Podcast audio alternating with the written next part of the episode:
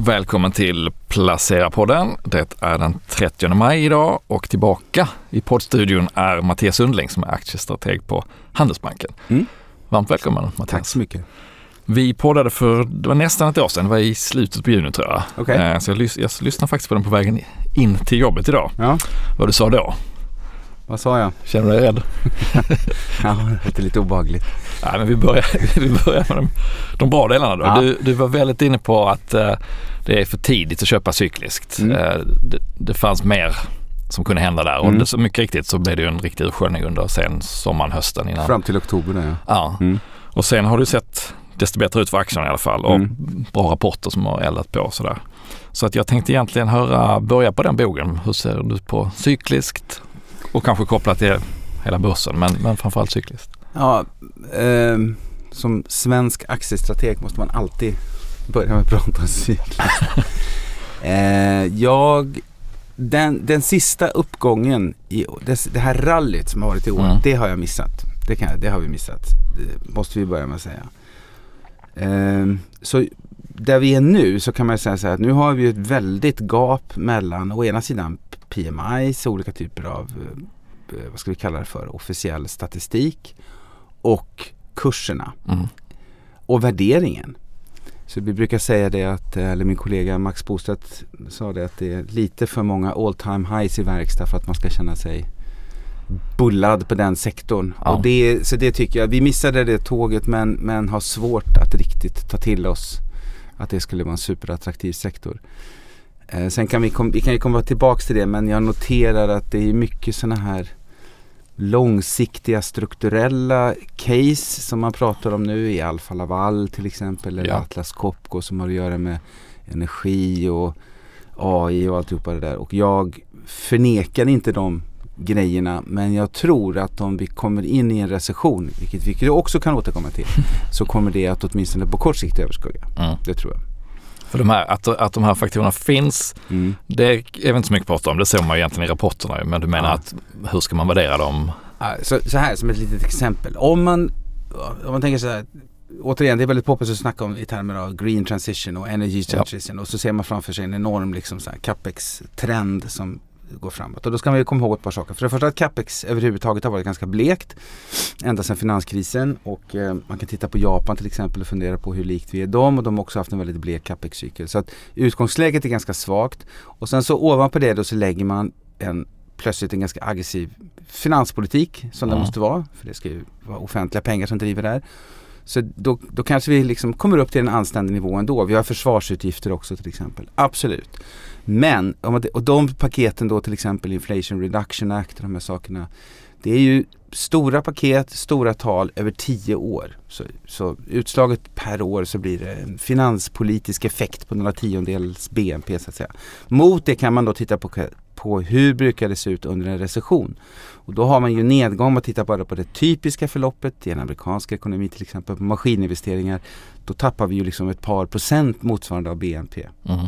Så min poäng är på kort sikt så överskuggar cykel struktur. Ehm, sen, det betyder inte att jag förnekar struktur över lång sikt att säga. Men jag tror att det finns bättre tillfällen att komma in än just nu. Bra, om ska referera. Och, och då, Ja. Förlåt, jag ska avsluta och säga det också. Vi, kan, vi ska säkert komma tillbaka till det också. Men jag är inte så förtjust i den här idén om att slicea saker och ting cykliskt defensivt Nej. överhuvudtaget. Vi har lite andra infallsvinklar på det, men det kan vi komma tillbaka till. Ja. Eh, jag tänkte också bolla tillbaka till vad vi pratade om förra gången. Eh, där du och nästan ingen annan, eller för den delen fick rätt. Och det var ju att inflationen förmodligen skulle börja vika ner under hösten. Samt även då att vinstprognoserna i börsbolagen Ja. skulle behöva få en ganska brysk nedjustering. Eh, och egentligen är det ju samma sak är man pratar om sak. idag då. Ja. Att när kommer recessionen som driver ner vinstprognoserna och eh, har vi sett inflationstoppen och den börjar komma ner nu. Så att det, ja, det är egentligen två spår här som jag vill att du Ja. pratar om. Dels inflation, ränta och dels vinstprognos i bolagen. Ja.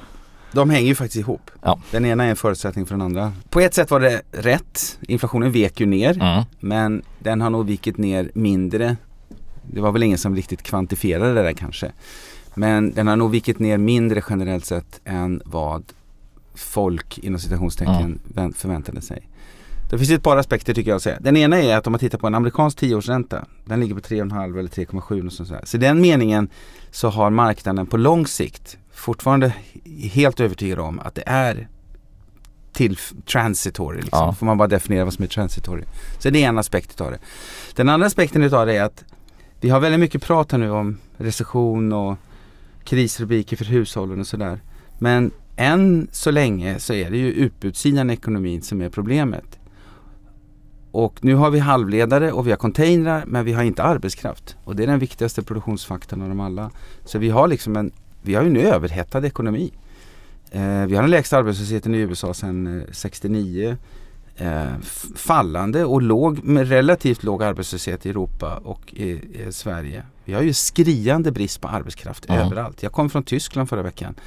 Um, där det då enligt rubrikerna är recession. Det var ingen som snackade om recession. De snackade om brist på arbetskraft. Mm. Så ur ett centralbanksperspektiv uh, så är det stressande naturligtvis. Vad ska de göra? De, min poäng har väl varit att de får väl höja, och det tror jag jag sa för ett år sedan, en recession är en, i min uppfattning då en slags självuppfyllande prognos. De höjer väl tills det blir recession för de måste få ner kapacitetsutnyttjandet eller omvänt få upp arbetslösheten. Mm. Vilket ingen säger rakt ut men det är ju egentligen det det handlar om. Så den processen har tagit längre tid än förväntat. Vi har ju lägre arbetslöshet nu än när vi började höja. Och så det har överraskat och det tror jag i sin tur säger någonting om vad vi säkert pratade om för ett år sedan också. Nämligen att det var sådana enorma stimulanser under pandemin. Så att efterdyningarna till det ligger fortfarande kvar. Det är orderstockar mm. i bolagen, det är överskottssparande i hushållen och sådana där saker. Så den brytpunkten och den liksom känsligheten har varit uppenbarligen svår att bedöma. Men innebär det att då kommer centralbankerna att behöva hålla räntorna Absolut. högre för längre? Ja, det tror jag. Eller ännu mera. De Plana får fortsätta ut. höja. Fortsätta höja. Mm. Det är intressant. Jag, jag, man glömmer fort. Jag skrev det här någon gång. Uh, man går tillbaka för ett år sedan så tittar man på så här, consensus forecast. Då var den genomsnittliga bedömningen att korträntan i USA skulle pika på 2,8. Mm. Nu är vi på 5,25 och nu de sista två veckorna så har marknaden fullt ut börjat diskontera att det kommer en höjning till i juni eller juli. Jag tror vi liksom, vi kan väl lika gärna fortsätta tugga på. Jag har inte en aning om vad brytpunkten är för vi är troligen i en stram penningpolitik. Men det är en enorm balansgång för mm. dem. Och, och, och, och, och förlåt mig, eh, core inflation går ju egentligen inte ner nu utan nu ligger vi den här siffran som kom i fredags i USA 0,4 då kommer vi inte komma ner till 2% inflation. För att vi ska komma ner till 2% på core innan jul då måste ju i princip nästan kärnpriserna stå still här nu härifrån. Mm. Och det gör de inte just nu. Så det är inflation. Ja. Så det kommer säkert och det är det marknaden säger. Men det kommer att krävas mer från centralbankerna och det dröjer. Och det andra är vinstcykeln. Och då så sa jag att det hänger ihop och det tror jag att det gör. För att varför har vinstcykeln varit så motståndskraftig? Jo, tror jag, för att alla har pricing power. Mm. Och tittar man på Q1 som återigen överraskar lite granna så tror jag att det är pricing power. Det är inte produktivitet. För att om du har nästan stillastående BNP och kraftig ökning av sysselsättningen så då har vi ju nästan i princip negativ produktivitetstillväxt.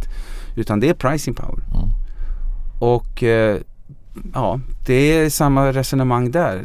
Eh, så länge de har pricing power så får ju centralbankerna fortsätta strama åt. Men att, att kunderna då kan svälja det här alltså no, någons prishöjning är någon annans kostnadsökning. Absolut, men det har ju skett en eh, det har ju skett en, eh, vad ska vi kalla det för, förmögenhetsförflyttning, inkomstförflyttning från hushållen till bolagen. Mm. Nu kommer jag inte ihåg vem det var som noterade det här, om det var ECB eller vem det var. Men, men jo, det var nog ECB. Det, alltså vinstandelen i ekonomin har gått upp på bekostnad av hushållens inkomster. Mm. Så, så är, det är det som har hänt. Um, så därför så ser vinstcykeln så fantastiskt stabil ut. Om man tittar på vinstestimaten för 22 och 23 så ser det ju ut som det här är världens lugnaste år. Och det ja. är det ju inte. Men det är ju för att de hela tiden höjer priserna. Men man kan också säga, tycker jag, vilket är en viktig poäng, om man tittar på någon, gör någon slags enkel regression, någon trendlinje på vinst eller någon trendlinje på marginaler så ser det ju nästan ut som vi hamnade upp på någon slags pandemibubbla. Så vi är övertygade om att marginalerna kommer ner. Uh-huh. Och vinsterna kommer, jag tror att vinsterna faller med ungefär 10% i år. Upp, det hände inte i Q1. Kanske inte i Q2 men det kommer att hända. Timing är svårt men det kommer att hända. Och eh, eh, det vore fullkomligt naturligt om det händer, om, om det händer så. Bara om, om, om, om man tittar på de nordiska bolagen, om vi bara tar ner marginalerna till trend Ja. så kommer vinsterna falla med 8% i år tror jag. Så, ehm, och, och, och sen kanske de ska ännu lägre på grund, av, på grund av att det är en recession. Men givet eh, bra Q1-rapporter, Ja. valutan som spelar då Ja. tunga bolag i händerna. Ja. Det blir svårt för analytikerna att ta det där första steget och börja sänka prognoserna.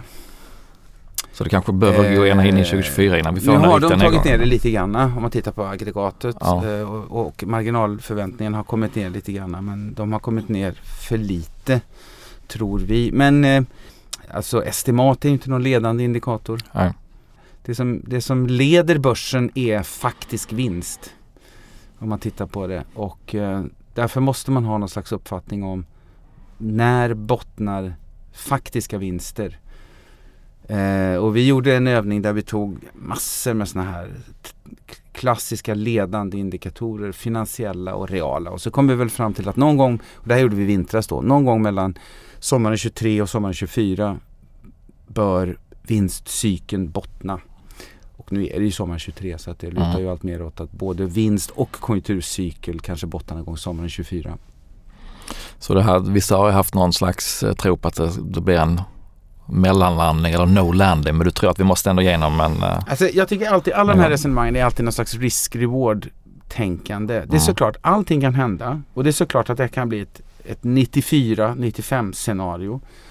Men vi är på max kapacitetsutnyttjande eller troligen mer. Vi, är, vi har en överhettad arbetsmarknad överallt och vi har en inflationstakt på 5, 6, 7 procent. Och vi har gjort enorma aggressiva åtstramningar. Så risken att någonting liksom går sönder på resans gång Mm. här är ju uppenbar. Så det är såklart att det kan bli blue sky scenario. Men det är ju en större sannolikhet att det inte blir det. Mm. Utan att det blir en traditionell re- recession. Och jag skulle vilja påstå att ju längre tiden går desto mer ökar sannolikheten och desto längre tiden går så tycker jag också att det kanske, vad ska vi kalla det för? Ja, Jag vill inte vara för domedagsaktig men det blir ju en hårdare inbromsning ju längre in i cykeln vi kommer. Ja. Eh, och att nu har jag bara kastat öga på siffrorna som kom i morse från, från Sverige. Det, det är ju, accelererar ju snarast. Och, och återigen, det säger någonting om stimulanserna som låg från tidigare sådär. Men då får man väl ta igen hårdare då. Mm. För det, Men- fin, det finns, förlåt mig, men det finns ju inga resurser att växa i. Det är det som är poängen. Om du är på lägsta arbetslöshet så finns det inga resurser. Då blir det bara inflation utav det. Det låter som att det är en ganska försiktig börssyn. Ja, vi är Från er försiktiga. sida då? Ja, absolut. Rätt eller fel.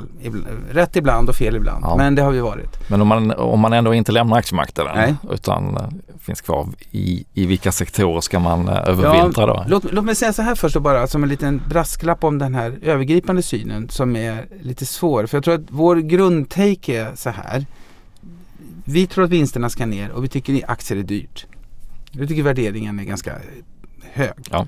Så vi får, man får verkligen skruva det tycker vi för att man ska kunna säga att det finns inget värderingsargument och vi har svårt att se vinstargumentet. Och då har man liksom de två stora fundamentala pusselbitarna. Okej, då blir det väl inte så mycket Mm. på tillgångslaget aktier. Så det är en utgångspunkt. Men sen måste vi också då, sen har vi grävt ganska mycket i och ska jag säga noterat att vi har en, det är väldigt stora kast i global likviditet.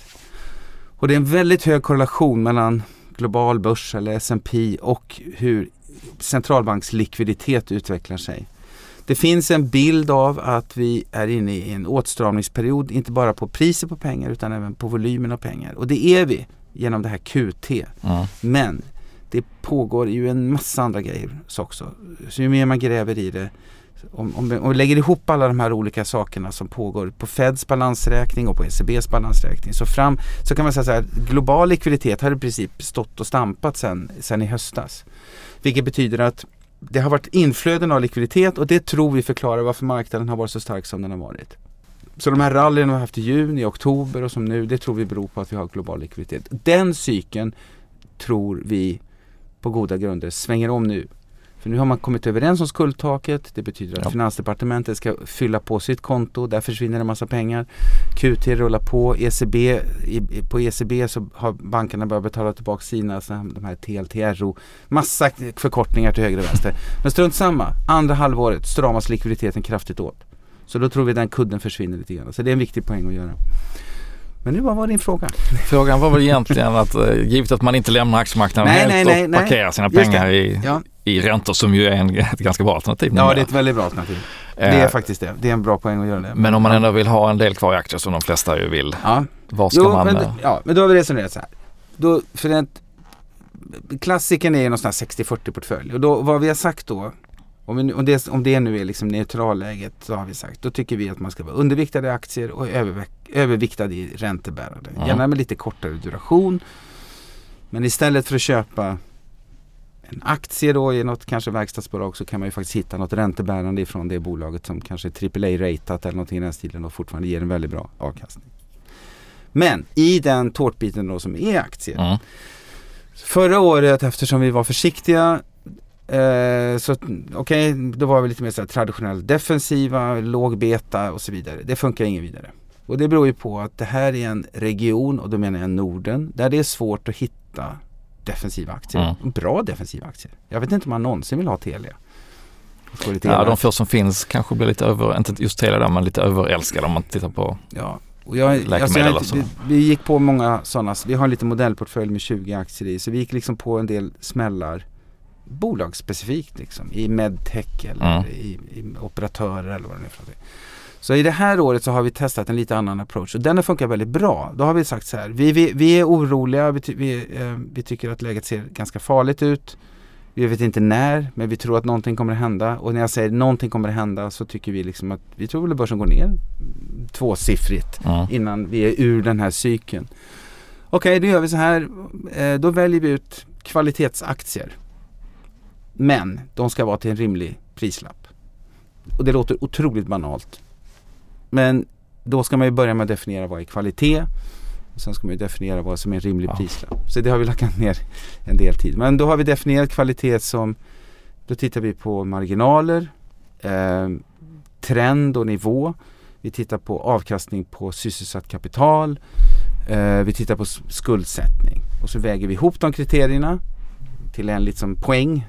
Och sen så tittade vi då på hur bolagets värdering ser ut i förhållande till sitt pre-pandemisnitt. Okej. En del bolag är ju Mm. liksom alltid lite dyra. Ehm, utdelning och ehm, revideringsmomentum. Så det fick bli vår andra pusselbit. Och sen mappade vi liksom upp hela universumet. Om, ni tänker, om du tänker dig en fyra kvadranter så vill man ju vara där uppe då. Där vi har liksom bra kvalitet och till, lite lä- till en rimlig prislapp. Och vilka hamnar i den? Ja, där hamnade goda det. har ju då skiftat. Men poängen är, och det var det jag menade inledningsvis, då kan vi strunta i är det cykliskt eller är det defensivt? Nu ska, måste jag, ska jag bläddra upp här så jag kan så jag inte säger fel. Men då struntade vi lite grann i det. Utan då tog vi liksom bara de bolagen Ja. som uppfyllde de här kriterierna. Och det, det kan vara bolag av alla de slag så att säga. Ehm, ska jag se så jag inte, så jag inte säger fel här. Men om vi tittar på sitter jag och bläddrar här. Nej, jag sitter. Men där har, vi har liksom haft bolag som eh, SSAB eller vi har haft Atlas Copco. Men vi har också haft eh, Axfood, vi har haft eh, Astra, vi har haft kol och plast. Så att det har varit en blandning mellan Ja. cykliskt och defensivt. Vi har struntat i om det varit cykliskt eller defensivt. Utan vi har bara valt utifrån det här På de parametrarna Ja. vi pratade om innan. Och det funkar väldigt bra. Mm. Vi, vi tokspöade index fram tills Embracer brann upp. Där försvann tyvärr. Illustrerar ju hur svårt det är. Man Ja. får, För de var med i Ja, vi hade med Embracer eller? i vår Ja, mm. portfölj då. Ehm, och sen så gick de ju ner 20 och så tänkte vi om en P6. Ja, sen gick de ner 45 Ja. procent till då. Så den var ju väldigt extrem historia. Mm. Så man kan inte ta bort det som går snett. Men om, skulle vi ta bort den så har vi ju haft en fantastisk performance. Men, det, men det, generellt sett, det var ändå en ledtråd till att det var en bra strategi. Och nu, eh, nu har vi grävt ännu djupare i det, jag och min kollega då, Max Bostedt och tittat liksom, grävt mer i det här med faktor, eh, Mm. trading på nordisk basis och, och, och eh, så här, vad, och, och ställt frågan så här i princip, om vi tror att börsen går ner, vad funkar? Och då är det kvalitet. Mm. Och sen kan man lägga till någonting? Ja, det som faktiskt funkar bäst att kombinera med det kvalitetskriteriet det är revideringsmomentum. Så att om man bara konsekvent liksom plockar aktier i den där gruppen där, där estimaten revideras upp så kommer man att, att mm. klara sig ganska bra. Alltså allting går ju ner i princip när börsen går ner 20% men här är det ju mm. frågan om att klara sig bättre än börsen. Och de här upprevideringarna beror ju, rätta mig om jag fel, oftast på att ja, det är bolag som helt enkelt slår förväntningar som är i en ja, det är stigande ja, ja, exakt. Och då, operativ trend. Exakt, och i det här ögonblicket precis just nu så skulle man kunna tänka sig att man då faktiskt fångar bolag, de få bolag som fortfarande kan höja priserna. För det kommer ju att sållas ut ja. allt eftersom. Ingen, vi kan ju inte fortsätta med det läget att alla höjer priserna som har varit läget just nu. En bank tror jag inte vi har nämnt överhuvudtaget här nu. Nej. Som också är en tung sektor. Ja, alltså bank eh, har vi haft ganska hög exponering emellanåt och det har ju funkat väldigt bra. Och eh, det har varit lite grann sådär, ska vi ta ut dem nu? Eh, och så, vi, så kom den här SVB historien mm. i USA och så fick hela sektorn stryk och tänkte äh, nu är det för sent. Men så kom det tillbaks. Eh, man kan säga så här tycker jag om bank att jag är inte speciellt orolig för eh, den här utländska synen att liksom hela banksektorn ska smälta ihop på grund av fastighetssektorn Nej. eller på grund av bostadslån. Jag vill inte förringa det men jag tror inte att det sänker bank så att säga. Jag tror inte att vi får någon explosion av kreditförluster. Det finns ett värderingsargument. Men, och, och, och det har funkat väldigt bra. Eh, och jag tror också en annan grej som drev bank i år är ju att det är och det tror jag i och för sig fortfarande när det gäller 23-estimaten en av de få sektorerna där estimaten höjs på grund av räntecykeln då att säga, som hela tiden tvingar analytikerna. Jag, så här dags trodde ju jag att vi skulle vara ett läge när estimaten generellt sett trillade ner. Eh, men problemet med bank tror jag att om man tar in en strateg i ett rum och säger att nu blir det recession. Ja, då går vi ur bank. Ja. För bank går alltid sämre. Så det är en aspekt det, samma, det beror ju på att alla recessioner som vi minns sammanfaller med någon typ av finansiell kris.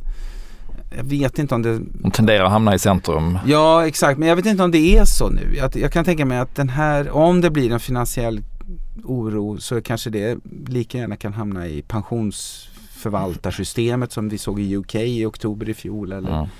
Så jag är inte säker på att bank, men, men det är Men man kommer här, ändå vara rädd för det för att man ja, vet inte man, om ja, det är de som man, sitter med exakt, tillgångarna. Man kommer att vara rädd för det. Så det är en aspekt av det. Och den andra aspekten är lite mer jordnära, nämligen att 24 kommer inte estimaten. Då kommer vi inte ha mm. vinsttillväxt.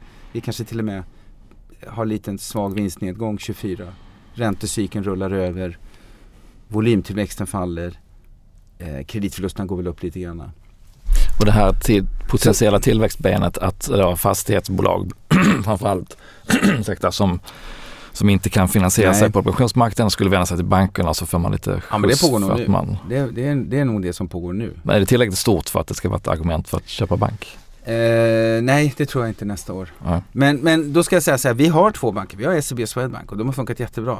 Eh, lysande i perioder, lite sämre i andra. Så här.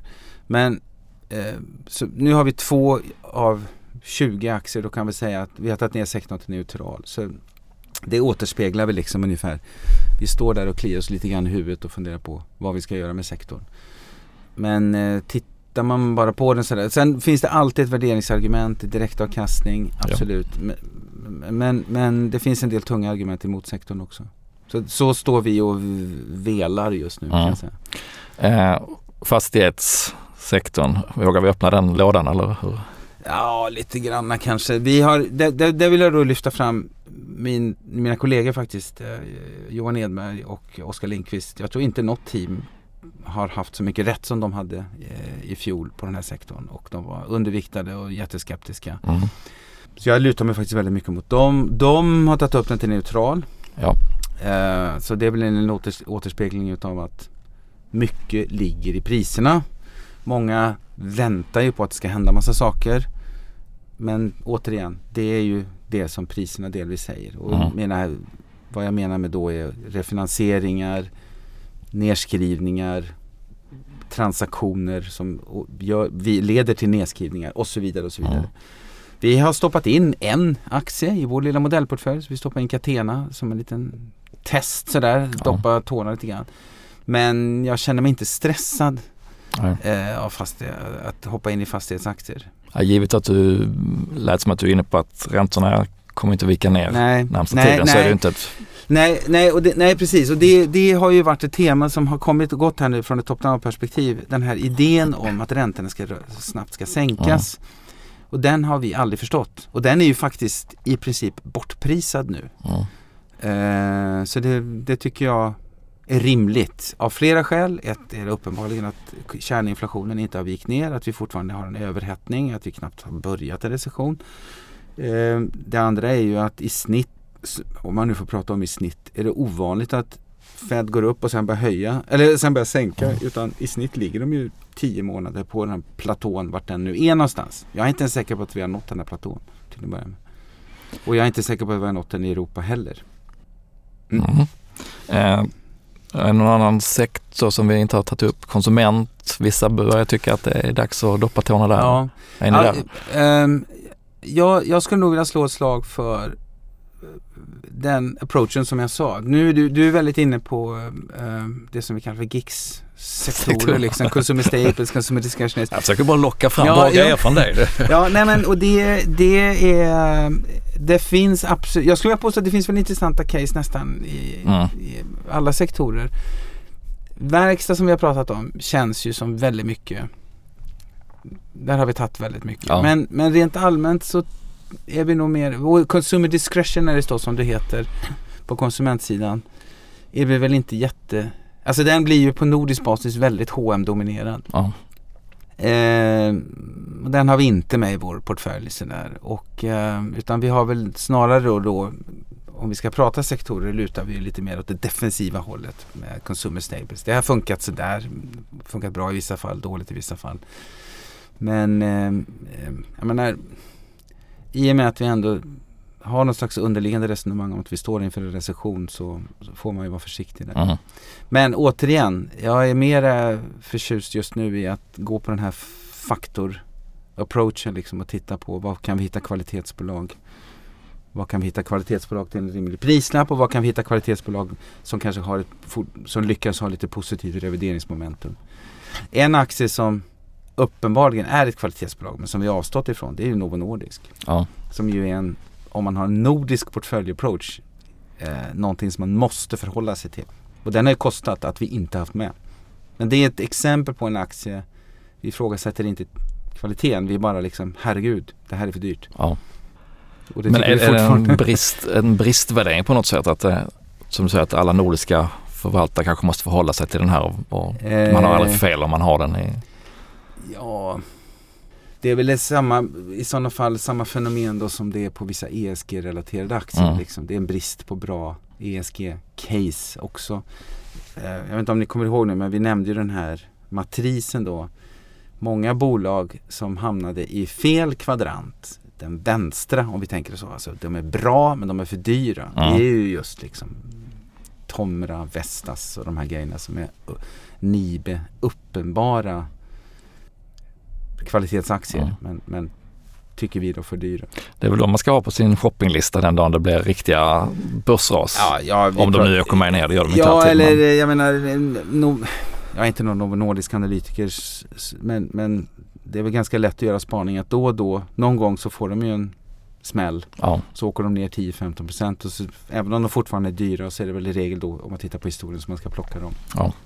Det kommer någonting bolagsspecifikt liksom som man kan ta dem på.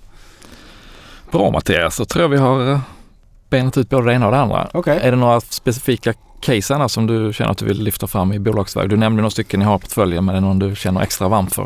Eh, du inte har nämnt. Nej, jag tror vi har pratat om Nej, jag tror vi har pratat om allihopa. Som jag tycker, alltså eh, jag är ju per definition lite mer top-down i sådär att Mm. jag sitter och detaljgräver i enskilda case. Men nej, jag tror vi har nämnt. Men vad, vad skulle dig, men vänd på det, vad Ja. skulle få dig att bli lite mer eh, positiv? Alltså måste vi igenom den här recessionen innan du kan känna att vi kan gå in i en ny bullmarknad? Ja, Nej, eh, både du och jag har ju varit med tidigare. Och man kan ju notera ett par saker. Man kan om jag tar det här med AI. Så här, alla, nu, nu ska alla Ja. prata AI. Och jag, vi raljerade lite grann här i söndags. Vi har ett litet veckobrev kring Nvidia då som Som Vi hittade bra. någon VD 99, för jag tror att det var Sann 99 eh, när han beklagade sig över värderingen av sitt eget bolag och sin egen aktie. Och så konstaterade vi att Nvidia handlas på dubbla. Det, Ja. han, eh, det här kan ju liksom, det vet ju både du och jag, det kan ju skena. Då får vi ju fel i den meningen att värderingen som är hög blir ännu högre. Och eh, det vet alla som satt med hösten 99 att den är ju svår att Ja. kontrollera. Men då är vi tillbaks till det här med likviditet. Eh, för att det, eh, det, det tror jag är väldigt drivet av, risksentimentet tror jag är väldigt drivet av likviditet. Och det är ju så här att även om vi då, jag har precis argumenterat för att vi har en åtstramning av likviditet under andra halvåret så har vi ju en väldigt hög nivå av Mm. likviditet. Man gör enkla mått som M2 i relation till BNP eller något sånt här i USA så, så har vi ju fortfarande enormt mycket mer pengar där ute än vi hade innan pandemin. Så det är såklart, man kanske, jag kanske underskattar det. Mm. Vi kanske underskattar det. Det är ju en grej. En annan grej som kan hända är ju att centralbankerna inte är så tuffa som de säger.